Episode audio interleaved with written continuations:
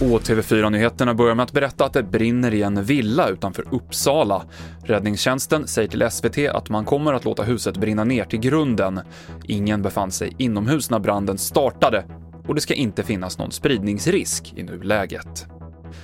I början av nästa vecka så får USAs nästa president, 78-årige Joe Biden, sin vaccinspruta.